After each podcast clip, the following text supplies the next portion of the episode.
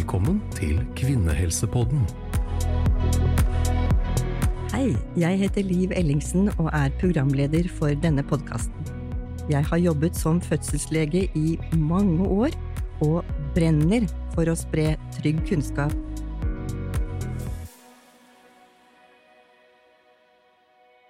Kvalme og brekninger i den første delen av svangerskapet er noe nesten alle gravide opplever. Faktisk så mange som 70–80 prosent. Heldigvis er ikke alle like mye plaget, og de fleste blir bedre etter to til tre måneder.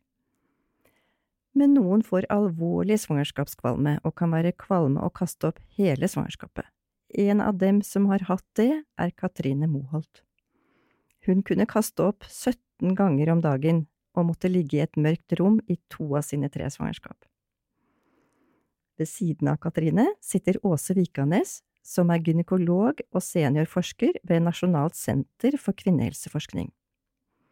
Åse har tatt doktorgrad om svangerskapskvalme og har forsket mye på dette temaet. Jeg gleder meg til å snakke med dere. Velkommen til dere begge. Tusen takk. Tusen takk. Så Åse, nå går vi rett på. Hva er svangerskapskvalme? Ja, det er jo da et, en plage som veldig mange gravide har uh, i tidlig svangerskap. Vi vet jo ikke helt sikkert hva dette er, men uh, det vi vet er at, som du sa sjøl innledningsvis, opptil 80% opplever en eller annen form for kvalme i svangerskapet, med og uten brekninger. Men heldigvis er det bare en liten del, i Norge regner vi med kanskje 1% som får den alvorlige svangerskapskvalmen som faktisk kan være livstruende både for mor og barn. Men nå er det jo heldigvis slik da at av de som har den vanlige svangerskapskvalmen, altså de som opptil 80% så er det jo bare halvparten som har moderate eh, symptomer, og bare en liten del av de har ekstreme symptomer. Så sånn at eh, 90% av disse har ingen symptomer etter 20. svangerskapsveke. Og det er jo veldig positivt, at for langt de fleste så går dette over innen 20. svangerskapsveke. Det er veldig fint å vite, men det kan jo være ille nok da når man er tidlig gravid? Absolutt. Selv for de letteste typene? Absolutt, og forskning har jo vist det at når man har liksom målt intensiteten av den vanlige svangerskapskvalmen, eller det man regner som vanlig, så er jo det faktisk like intenst som om man hadde tatt eh, eller fått eh, tung cellegift. Så det er faktisk ikke bare bare å være vanlig svangerskapskvalm. Det tror jeg mange ikke har tenkt helt over. Vet man noe hva det kommer av? Hvorfor noen, noen får så mye mer kvalme enn andre? Både ja og nei. Altså, man tror at det er flere faktorer som bidrar her. Nyere amerikansk forskning viser at dette her er genetisk. Samtidig så en ser det at det er nok for enkelt å si at det er bare genetisk. Altså, dette er jo et felt som er vanskelig å studere, rett og slett fordi at internasjonal forskning har på en måte sprika litt i måten de har studert tilstanden. Når noen har studert svangerskapskvalme, så har de liksom fokusert på de 80 prosentene som har mildere symptomer, mens andre har da på en måte selektert pasientgruppene til å bare dreie seg om de som er alvorlig syke og som er innlagt på sykehus og derfor er det ofte vanskelig å sammenligne forskningen på feltet. Men det er jo klart det at uh, når genetikken nå seiler opp som på en måte en ledende årsak, så er jo det noe vi må studere nærmere. Men vi tror jo òg at det er andre faktorer som hormoner, kanskje bakterier, altså ulike ting som bidrar til at en faktisk blir alvorlig svangerskapskvalm. Og når du sier genetikk, så er det arv, altså er det at, uh, at en mor eh, har hatt svangerskapskvalm, og datteren får det? Ja, altså vi har jo ikke sett på genene spesielt her i Norge, det er det amerikanerne som har gjort, men det vi har brukt eh, eh, fødselsregisterdata til, er jo å se at når mor har hatt hyperemesis i et av sine svangerskap, så har døtrene tre–fire ganger så stor sjanse for å få det, sammenlignet med døtre og mødre som ikke har hatt eh, alvorlig svangerskapskvalme. Ja, det var ganske alvorlig. Ja, det er, det er betydelig. Mm. Og den studien den kom vel i 2010 og var publisert eh, i et godt uh, britisk tidsskrift, så den, uh, den, den, holder nok mål forskningsmessig, ja. Mm. Og vi som har jobbet på sykehus, vi har sett at uh, av de som blir innlagt, i hvert fall, så er det mange innvandrerkvinner. Kan du ja, si noe om det? Ja, det kan jeg. Uh, igjen så er det jo mange studier som viser at det er store etniske forskjeller. Uh, norske data, igjen fødselsregisterdata, viser jo det at hvis du er født i India eller på Sri Lanka eller i Afrika sør for Sahara, så har du tre–fire ganger så stor risiko for å bli innlagt med alvorlig svangerskapskvalme. Absolutt. Så det er store etniske forskjeller, men hva det betyr, om det er genetikk, eller om det er liksom eh, livsstil eh, Vi vet jo ikke om de kvinnene, når de, når de da bor i sitt eget fødeland, hvordan forekomsten er da. Vi har jo for dårlige data på det. Mm. Så sånn at, men vi vet at når de kommer til Norge, så har de da økt risiko for å få dette. Og en av våre studier viser da også at lengden av opphold i Norge påvirker risikoen for å utvikle alvorlig svangerskapskvalme. Så har du bodd i Norge over tid, så har du mindre risiko. Så noe miljømessige faktorer må det jo være som bidrar her, Mm. tenker vi. Så er det lett å tenke at det også er noen psykiske faktorer. Har dere sett noe på det? Det er vel Altså, vi har sett på dette med depresjon, eh, og da har vi brukt den norske mor-barn-undersøkelsen, som har jo ekstremt gode data på, på mor-barn-helse. Og da ser vi jo at er du deprimert, så har du noe økt risiko for å få alvorlig svangerskapskvalme. Men de fleste som har svangerskapskvalme, har jo absolutt ikke noen eh, sykehistorie på depresjon i det hele tatt. Mm. Men, eh, men man ser jo da som en konsekvens av at de har hatt alvorlig svangerskapskvalme, så ser man jo at de kan ha symptomer på depresjon opptil 18 måneder etter avslutta svangerskap. Og flere av disse kvinnene har også symptomer på posttraumatisk stress i etterkant av et slikt svangerskap. Og da snakker vi om den alvorlige svangerskapskvalmen. Sier noe om hvor alvorlig dette faktisk kan være, så dette er viktig blir tatt tak i. Hvordan er det med, med fosteret? Kan eh, fosteret påvirke svangerskapskvalme på noen måte? Ja, så man ser jo da at eh, hvis du har flere foster, altså hvis man eh, er tvilling, eh, så blir nok mamma noe mer grav- ja, mamma har økt risiko for, for, eh, for alvorlig svangerskapskvalme. Også jentefostre eh, eh, øker nok mors risiko for, eh, for alvorlig svangerskapskvalme. Ja. Det kan man si. Men akkurat hvor mye det øker, det viser studiet litt forskjellige eh, resultater. Men noe økt risiko er det. Så grekere tilbake igjen til bare noen hundre år før Kristus, Hippokrates, eh, sa jo at women with a pale face will deliver a female fetus. ja. Så han hadde nok rett, eh, for å si det sånn. Gammel kunnskap. Gammel kunnskap. Ja. Så hvor farlig er svangerskapskvalme? Er det bare det at det er plagsomt, eller kan det også være farlig? Da tror jeg vi kanskje differensiere between, altså mellom liksom om det er farlig for eh, barn eller mor. Eh, hvis vi tenker på mor først, da. Ja. Eh, og de kortsiktige farene, så er det jo selvfølgelig det. Altså, det er potensielt livsfarlig hvis, Ja. man er, hvis man bare brekker seg og ikke får i seg næring og væske over tid. Og i gamle dager så var jo faktisk dette noe kvinner døde av. Ja, altså det siste dødsfallet i Norge var i 2004, så det er ikke så lenge siden. Og det var på grunn av en alvorlig vitaminmangel. Så sånn at for mor så er det jo sånn i første omgang, det sier seg jo selv, hvis du brekker det 17 ganger om dagen, så har du jo redusert livskvalitet. Mm. De klarer jo ikke å jobbe. Eh, I Norge er vi jo så heldige at vi kan bli sykmeldte eh, når man eh, er alvorlig svangerskapskvalm. I andre land så mister man jo jobben. Ja, tenk det. Men sånn ellers så er det jo klart at vitaminmangel kan jo være farlig. Du kan få hjerneskade av det, du kan få blødninger. Eh, og når du brekker deg og brekker deg og brekker deg, så kan du jo eh, Magesekken kan sprekke, og spiserøret kan sprekke, og det er mange ting som kan skje. Men det er jo ekstremt sjeldent. Og i Norge eh, har jeg knapt hørt om det. Og når det gjelder på lang sikt, så så er det jo klart at uh, her er det jo forskning viser jo litt forskjellige ting, da. Vi har jo sett på for eksempel om fordi noen har studier vist at det er en sammenheng mellom svangerskapskvalme og svangerskapsforgiftning.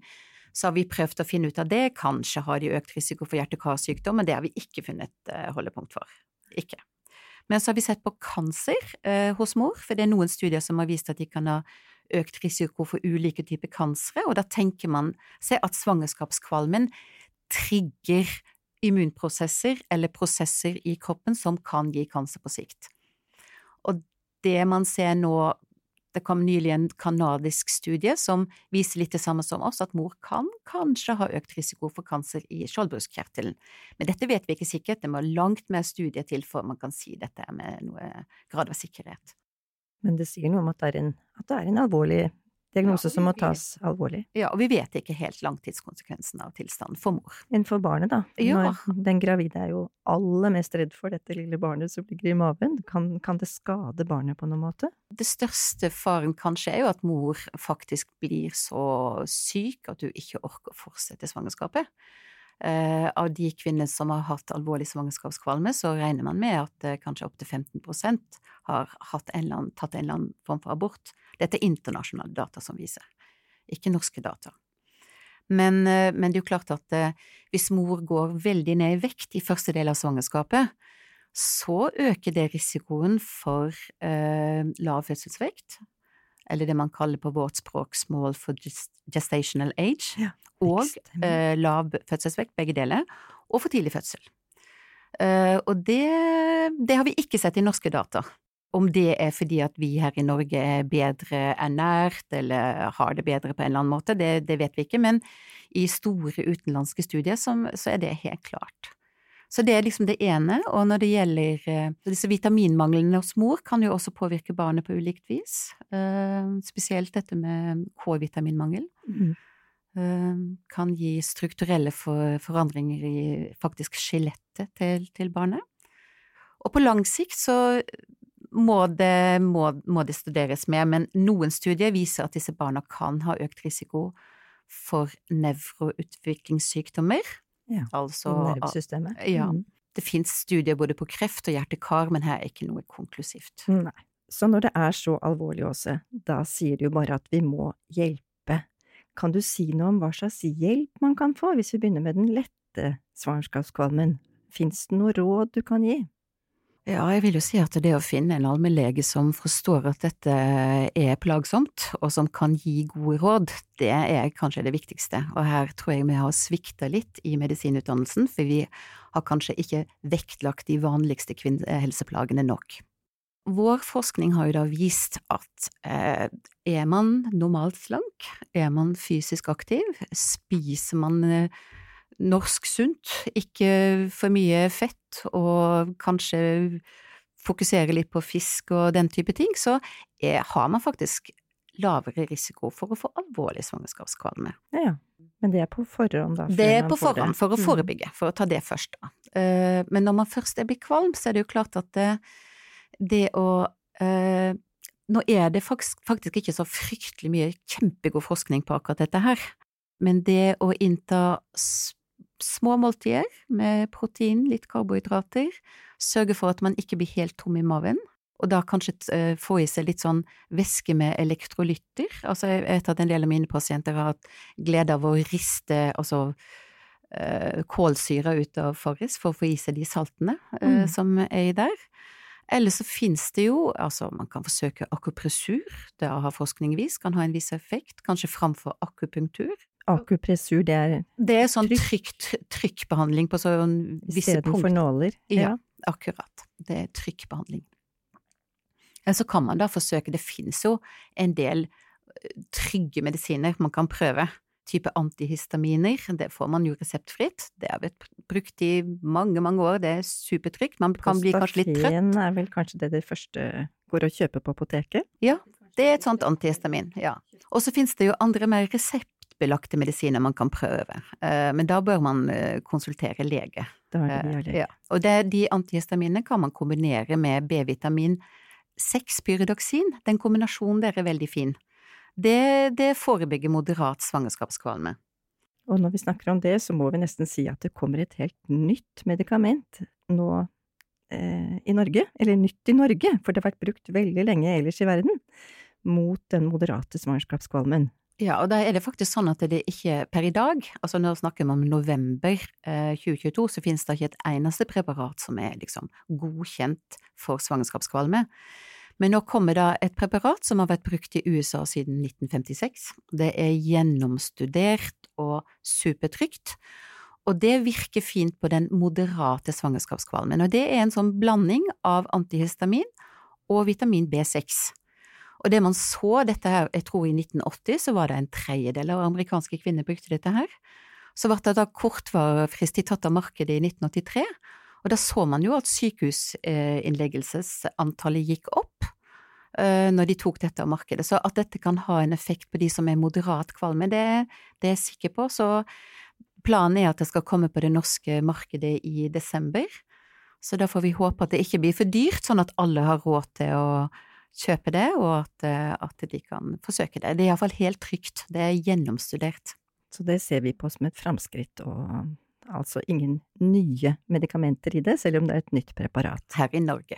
Ja. Men så over til de mer alvorlige svangerskapskvalmene, og da kaller vi det gjerne latinsk ord hyperemesis, og noen av de må faktisk legges inn på sykehus. Og dette her med hvem skal inn på sykehuset ikke, det er jo et stadig tema. Eh, men det er jo klart at uh, hyperemesis-diagnosen uh, er, som jeg sa innledningsvis, en diagnose som har vært litt sånn omdiskutert. Hva skal til for at man skal karakteriseres som alvorlig svangerskapskvalm?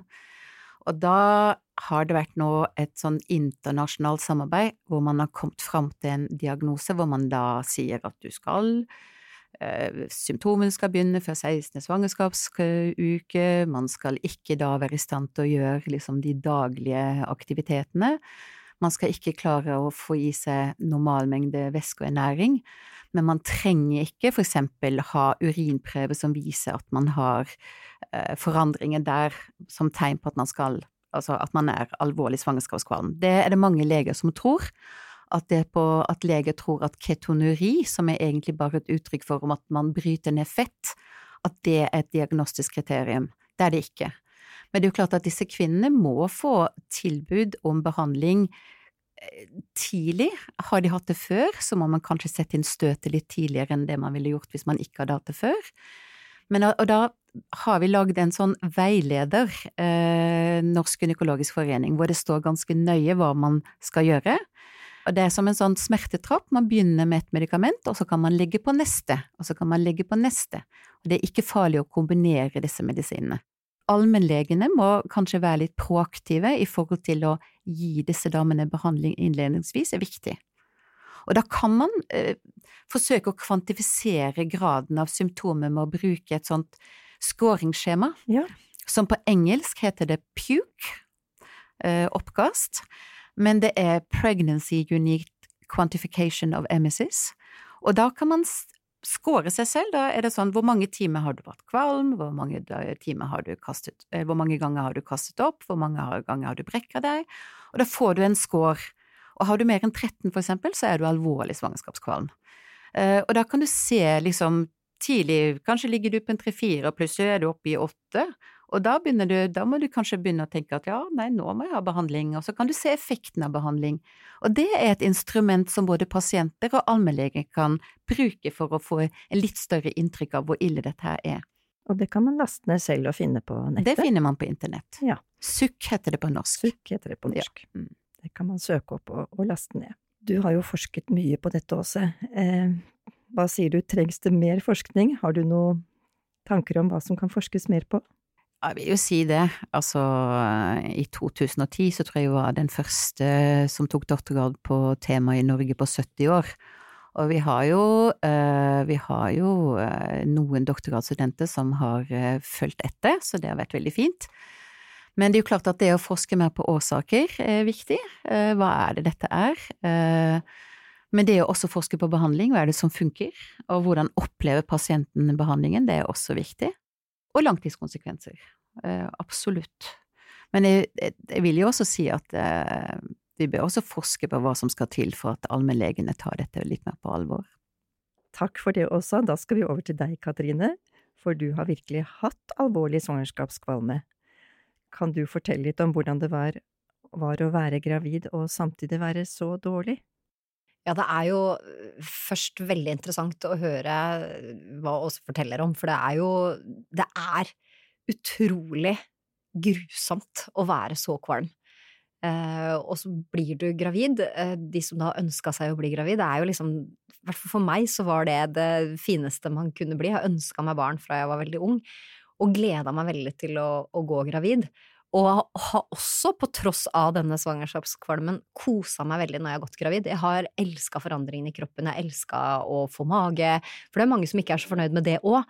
Men for meg så har det vært sånn så Jeg skulle gjerne vært gravid flere ganger, for jeg syns at det har vært så fantastisk å gå gravid, på tross av at jeg har vært så sjuk. Um, I 1995 eh, ble jeg gravid første gang med sønnen vår, og da var jeg nok eh, litt på grensa til ekstrem svangerskapskvalme, men var Jeg hadde energi, for det var den store forskjellen for meg å gå gravid med sønnen vår i forhold til å gå gravid med de to jentene jeg har fått. Uh, for jeg klarte å jobbe når jeg var gravid med han. Jeg kasta opp og jobba. Så jeg hadde på en måte krefter, men jeg var kvalm hele tida. Mens da, når jeg da tre og et halvt år etterpå uh, fikk Evelina, som var da første datteren vår, så merka jeg jo med en gang at da, da gjorde kvalmen meg helt um, Altså helt utslått. Det var bare oppkast, og det var bare kvalme, og det var ingen energi og ingen krefter. Så akkurat det stemte med dette kjønns, kjønnsforskjellen? Absolutt veldig, veldig interessant det, altså, med, med, at jeg var så mye dårligere med, med jentene. Uh, og da var det jo Da gikk det jo så langt, og det var jo særlig helt i begynnelsen som det var helt ille, uh, at til slutt så blei jeg jo dehydrert. Uh, og jeg hadde ikke hørt om ekstrem svangerskapskvalme, på en måte, at det var en diagnose, før da kjæresten min tok meg med til legen, og han skjønte at jeg er dehydrert, og ble da sendt videre inn på sykehuset. Og da var den, dette var i 1999, og da var behandling av intravenøs væske og salter og vitaminer og mineraler og sånn, uh, i tillegg til uh, å isoleres. at du ikke skulle eksponeres for noen inntrykk. Uh, og det stemte egentlig med det jeg hadde opplevd når jeg lå hjemme òg, at hvis det kom noen innom, hvis TV-en sto på, hvis jeg hørte lyder fra radioen, altså, jeg blei så kvalm. Det eneste som gjorde at jeg på en måte kasta opp mindre, var hvis jeg bare lå helt, helt stille. Og det var jo veldig vanskelig når jeg hadde en sønn på to og et halvt år som jeg bare hadde lyst til å være sammen med, og så, og så ble man bare kvalm hvis man prøvde å gjøre noe som helst. Så da lå jeg inne en stund, uh, og da følte jeg at det snudde litt når jeg da fikk den intravenøse væska. Og da har jeg jo skjønt at det handler vel også om det at du blir jo også kvalm av å være dehydrert. Så da er det jo veldig bra å få Ja, så da funka det. Så det jeg da gjorde, var jo at når jeg da kom hjem, så mm, fulgte jeg på en måte den oppskriften fra sykehuset. Jeg lå på et rom eh, aleine, uten noe inntrykk. Og da, da holdt det i hvert fall kvalmen i sjakk. Det var liksom ikke sånn at kvalmen ga seg, men, eh, men da i hvert fall Kanskje ikke du kasta opp så mange ganger den dagen, da. Og hvor lenge varte det i svangerskapet? Nei, for meg så har det vart hele veien, men de to siste månedene så har energien kommet tilbake. Så da, jeg, da var det mer sånn som det var på begynnelsen av uh, svangerskapet med sønnen vår, at jeg, at jeg kunne gjøre ting, men kasta opp. Og da var det også sånn at uh, hvis jeg var en ting jeg måtte, ikke sant, altså måtte på jobb den dagen, da kunne jeg da ligge to dager etterpå. Så jeg måtte være veldig sånn der forsiktig med hva jeg fant på, og jeg kunne ikke, kunne ikke gjøre ting veldig sånn tett etter hverandre. Hvis du på en måte tok deg sammen og klarte én dag, så måtte du regne med at et par dager da, etter da, så ble det mye verre igjen, da. Så det varte hele veien ut. Hele veien ut. Og hva tenkte du da på å få gå løs på et nytt svangerskap? Nei, altså, jeg eh, har jo ønska meg disse barna mine så veldig, og på tross av at jeg har vært så dårlig, som jeg sier, syns det har vært fantastisk å gå gravid. Um, så jeg følte at jeg virkelig ruga fram disse barna og kjempa meg gjennom hver eneste dag av de svangerskapene. Nå er det uke 17, dag 5. Jeg skal, skal klare den. Og så var det hele tiden sånn at legen sa jo at å, når du kommer til uke 12, så blir du nok noe bedre. Det blei jeg ikke. Så kommer jeg neste gang, men uke 15 så pleier det nok, og da slipper det nok litt. Og det gjorde det ikke.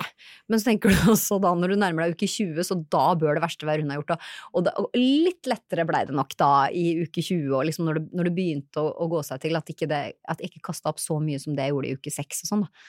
For det var liksom helt i starten som var den perioden som var absolutt verst, da. Så du gikk altså løs på et nytt eh, svangerskap? Ja, altså for meg så var den gleden over å få Mm. de barna så stor at det var jeg virkelig villig til å gjøre igjen. Og hadde jeg blitt gravid nå, så hadde jeg kjørt på en runde til. Det hadde jeg. Ja. Fordi jeg syns det har vært så fantastisk. ja. Um, men det er jo selvfølgelig Jeg skjønner jo de som ligger der og tenker at dette orker jeg ikke mer. Mm. For man tenker jo det hver, hver morgen når du våkner og du er like kvalm. Uh, for at hvis du har omgangssjuke eller er bilsjuk, sjøsjuk, så hjelper det jo å kaste opp. Fyllesjuk. Ja, eller fyllesjuk, for den saks skyld. Så kaster du opp, og så kjenner du at åh, det var deilig.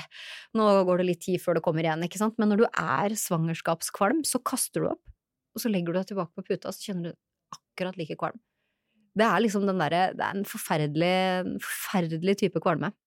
Eh, og så er det jo eh, heldigvis sånn, da, at det, det er jo sikkert derfor det er forska så lite på òg, egentlig. At, fordi vi vet jo at i løpet av ni måneder så går det over. Og i det øyeblikket disse barna er født, så er jeg jo helt fin igjen. Det også er jo en ganske rar følelse. At i, i, i øyeblikket fødselen er Ja, det er som en bryter. I det øyeblikket fødselen er over, så bare sånn Hei! Nå er jeg ikke kvalm! Nå kaster jeg ikke opp mer, jeg brekker meg ikke mer. Det er jo helt fantastisk. Um, så for meg så, så har det vært veldig sånn eh, motiverende, fordi jeg har ønska meg de barna så veldig. Så det har på en måte vært um, den store gleden i det. Og når jeg da har orka å reise meg opp og, og på en måte begynt å komme meg litt ut, så gå med den store maven, syns jeg har vært helt, helt fantastisk. Så hvis du skulle gi noe råd til andre som får alvorlig svangerskapskvalme, hva vil du si da? Jeg tenker at det er ikke nødvendig å prøve å ta seg sammen og prøve å orke ting. For, man, man, for det som ofte er greia, er at man tenker at hvorfor takler jeg dette her så dårlig, når alle andre De, er jo kvalme de òg, jeg hører at de kaster opp, men de er jo på jobb. De de er med på ting. Og at du da tenker sånn, nå må jeg ta meg sammen, for dette, her, dette skal jo jeg takle. Dette har kvinner i alle tider takla. Hva er det med meg og min kropp som gjør at jeg ikke takler dette her? Det er jo en ganske sånn trist følelse. Det mest naturlige i verden å bli gravid og man ønsker seg det, og så, og så må man ligge. Hva, hva er det for noe som er gærent med meg, ikke sant? Mm. Så jeg tenker at hvis man merker at man har en sånn um, overveldende kvalme som gjør at du ikke orker noe, så tenker jeg at da skal du heller ikke orke noe. Uh, og for meg så hjalp det da å uh, spise. Altså det hele tiden ikke være sulten, for jeg hadde lyst på mat selv om jeg var kvalm. Men, men det kommer jo rett opp igjen, da, ikke sant. Mm. Men det der å hele tiden ha noe i maven, selv om det kommer opp igjen, det, det er bedre enn å kaste opp den der grønne guffa som kommer når du ikke har fått noe i magen. Eh, og så tenker jeg det der, faktisk det der å isolere seg. Har du barn fra før og sånn, finn et rom som bare er ditt rom, ligg der inne.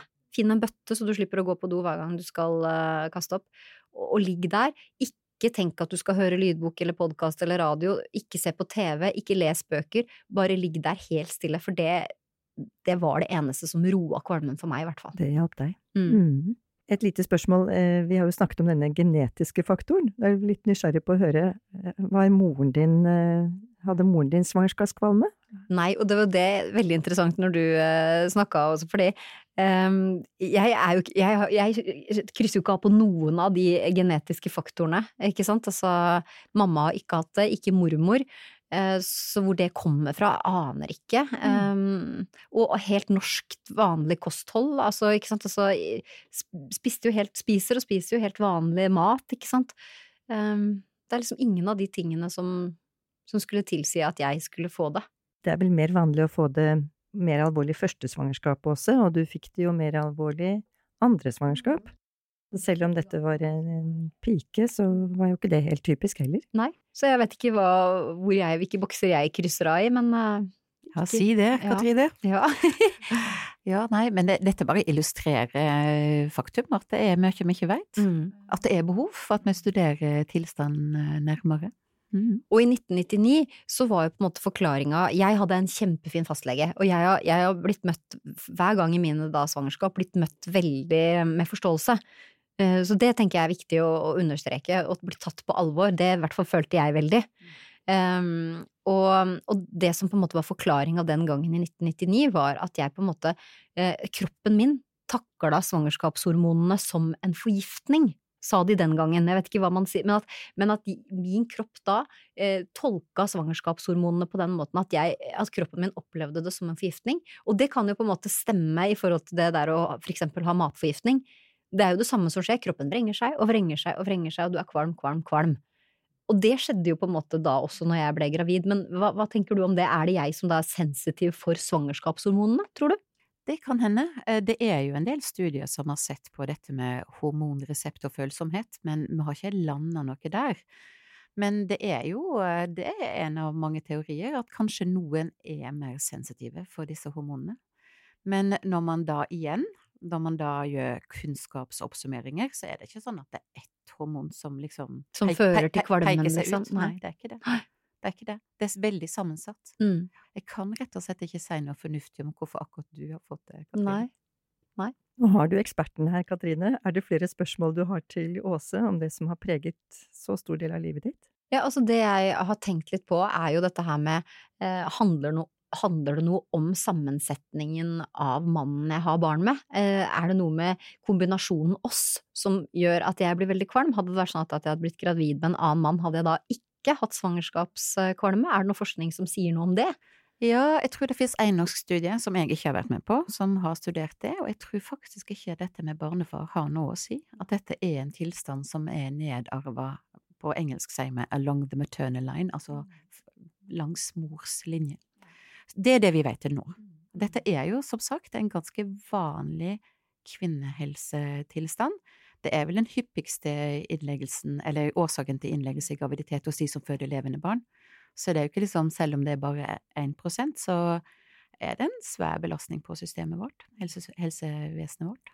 Det er det. Og så da et, i ettertid òg, som du sa, med eh, svangerskapsdepresjon, at mm. det kan vare så lenge etterpå, og ikke minst, jeg skjønner jo godt at man kan bli deprimert underveis òg, nå ble ikke jeg det, jeg ble heller ikke, jeg ble heller litt sånn motsatt, at når jeg liksom da skjønte at jeg, når jeg klarte denne uka, og jeg klarte denne uka, og jeg fødte da et friskt barn, for det også tenkte jeg at når jeg var så dårlig, hvordan kan denne ungen her komme frisk ut av meg og ha, og ha normal fødselsvekt? For det hadde eh, Førstedatteren hadde det, hun var litt, da, men hun ble tatt med keisersnitt nummer to.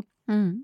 Så, så hun var litt da, men ellers så var de på en måte normal, normalt store babyer.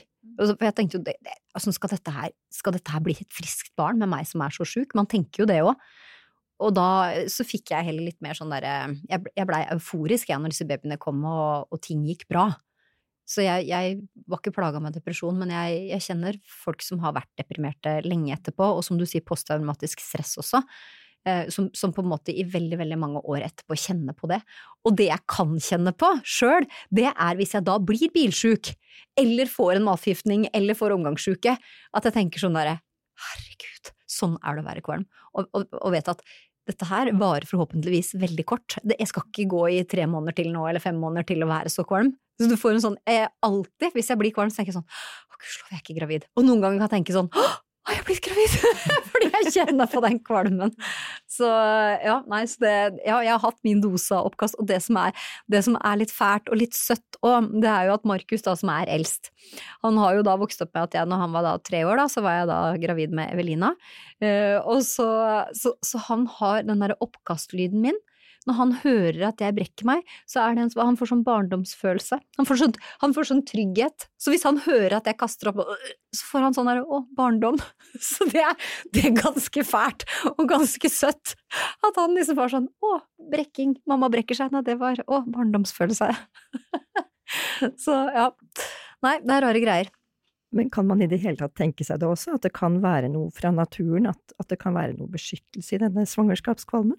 Ja, si det. det Vi vet Det jo at disse det- fostrene er veldig beskytta når de ligger der, så at det går bra, det har vi jo lang erfaring på.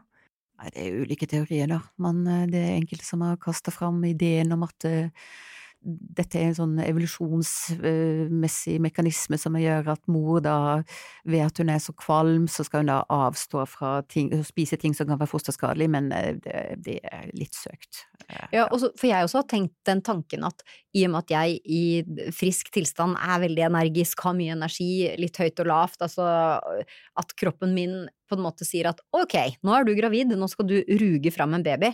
Da bare kjører vi på med kvalme, sånn at dette mennesket her ligger flatt i ni måneder, sånn at vi er sikre på at denne babyen eh, får eh, tid og ro til å gro i, det, i den kroppen. Man kan jo sant, altså tenke at er det på en måte min ja, min genetikk da, som sier at eh, nei, du, nå, nå er du gravid, da skal du ligge rolig, så at dette barnet får gro i fred. Jeg vet ikke. Ikke veit jeg helt. Nei! Det er i hvert fall ikke noe som tyder på at det å ligge i ro eh, gjør noe bedre svangerskapsutfall. Nei. Og jeg tenkte, jeg husker, jeg tenkte spesielt mye på det første gangen med eh, Evelina, da. Eh, når jeg var så sjuk. Tenkte det, alle de som på en måte eh, Jeg husker det, det fantes jo til og med videoer med trening for gravide, ikke sant. Eh, jeg husker jeg fikk en sånn video en gang, og jeg, jeg tenkte bare sånn, hvem er det som tror at jeg skal kunne klare å, å gympe i den tilstanden jeg er nå? Eh, fordi det er så viktig å forberede seg til den fødselen, ikke sant. Mentalt og fysisk, gå turer, gjerne danse, altså alt er fint for å kunne klare den fødselen. Eh, mens, mens jeg lå jo der og følte at alle muskler svant hen, og tenkte sånn, hvordan skal jeg klare å føde dette barnet? Jeg har ligget stille i ni måneder, hvordan skal jeg ha krefter til å føde barnet? Men det, alle som hører på og som har den tilstanden, det klarte vi altså. Jeg fødte den dattera mi på fire timer, og jeg pressa ut, og det var en fantastisk fødsel. Så, så det er utrolig hvor Man trenger ikke å trene gjennom hele svangerskapet for å klare den fødselen, og det var litt fint å kjenne på. Da kom urkvinnen i deg fram. Ja, Ja. virkelig! Ja. Uten, fødte uten smertestillende, og jeg hadde både krefter og muskler og alt til å føde det barnet. Og det ser man kanskje òg. Har du noe annen forskning på det, at det er verre fødsler for de som har svangerskapskvalme? Nei, det har jeg ikke sett på. Absolutt ikke. Nei. Det er ikke noe jeg har lest noe som helst om. Men nå har jo ikke jeg lest alt, da. Nei da, men fordi man tenker jo det. Fordi man hele tiden hører at å, det er så viktig å holde seg fysisk aktiv i det svangerskapet, ikke sant. Og, og være sterk og, og fin til du skal gjennom det verste du skal gjennom, nemlig å føde et barn. Men da jeg da som bare lå, eh, hadde de kreftene, så tenker jeg at det skal i hvert fall ikke de mammaene tenke på. Viktig kunnskap å overbringe Ja, Ja. til andre. Ja. ja. For jeg lå og grudde meg til og tenkte jeg, dette kommer jo ikke, åssen skal jeg klare å føde dette barnet, ikke sant? Som ikke orker noen ting, du ligger helt stille. Og jeg har et sånt bilde på, som jeg føler er liksom hyperemesis gravidarum-bildet mitt. Det er at jeg lå i sofaen i den leiligheten vi bodde da, og så hadde vi en sånn hengeplante hengende over eh, sofaen, og på den så var det et gult blad. Og jeg, jeg vet ikke hvor mange uker og dager jeg lå og så på det gule bladet. Og så var på en måte målet mitt en eller annen dag så skulle jeg klare å reise meg opp og plukke av det gule bladet. Og, og, og jeg tenkte sånn, jeg kunne spurt kjæresten min om han var så snill kunne ta vekk det bladet, så slapp jeg ligge og se på det. Men det ble en sånn derre, en dag skal jeg reise meg opp og ta det bladet. Og- Og jeg vet ikke hvor mange uker det var, men, men når jeg da klarte det, den mestringsfølelsen, jeg klarte å reise meg opp, stå i sofaen og ta det bladet, det ble liksom sånn der bilde for meg hvor dårlig jeg faktisk var. Oi, det, det sier noe om hvor dårlig du har vært, da. Ja. Nå har vi hørt hvor alvorlig dette kan bli. Har du noe du vil spørre Katrine om til slutt? Ja, det er vel eh, Har du noen råd til oss som er helsepersonell og skal behandle disse pasientene? Hva er, det, er det noe du kan tenke deg eh, vi kan gjøre bedre på sikt? Er det noe du er det noe du skulle ønske vi hadde gjort, eller burde gjort, eller skulle gjort? Det er sikkert veldig individuelt hva du trenger i en sånn situasjon. Eh, Men for min del så er det jo Dette med omsorg er jo veldig viktig, og det å ha en fastlege, da, eh, som forstår deg, eh, hvor ikke du liksom blir sett på som, som at liksom å ja, er du en av de som ikke takler kvalmen din, liksom? Ikke sant? At, du, at, at, at fastleger er klar over at dette her er en diagnose, og at det er en del kvinner som faktisk blir så kvalme at de ikke har noen krefter til å gjøre noe som helst.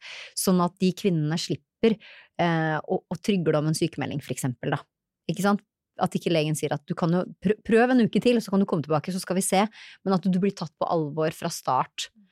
Eh, det tenker jeg er veldig viktig. Og så er det det som funka for meg, eh, det, det var jo som sagt det der å, å, å minimere alle inntrykk.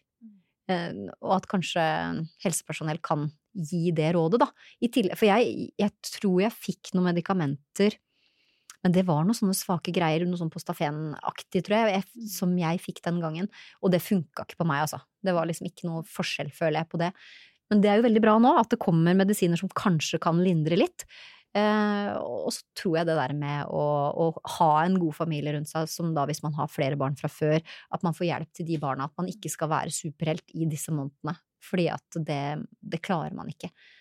Og vil man unngå sykehusinnleggelse, så er det jo det der å prøve å få i seg mat og drikke selv om du kaster opp. Um, og, og, og la kroppen få hvile, altså. For det er jo det kroppen sier at den vil. Fikk du noe tilbud om sånn behandling med sånn slange gjennom nesen, ernæring gjennom det? Nei, for det er et jo alternativ da, til de som er innlagt på sykehus, så er det ikke nødvendigvis sånn at man må være innlagt eh, veldig lenge. Man kan også få ernæring gjennom en slange som man da trer gjennom nesen, det høres litt rart ut, men det er faktisk en, en fin behandling som gjør at man kan da være hjemme selv om man er, er alvorlig syk. Så akkurat den litt ekstreme behandlingen har vel egentlig gått litt bort fra. Ja, det, det, har det er mer poliklinisk behandling nå. Ja. Men da tror jeg til slutt vi får si tusen takk til deg, Katrine, for at du delte den uh, tøffe historien din. Uh, vi har forstått hvor alvorlig dette har vært for deg. Og takk til deg, Åse, for at du har lost oss gjennom, og at du også har brukt så mye tid på å forske på dette. Det har vært veldig viktig forskning for mange kvinner og vi håper dere nå er blitt litt klokere om dette viktige temaet. Så takk for i dag. Tusen takk. Takk for oss.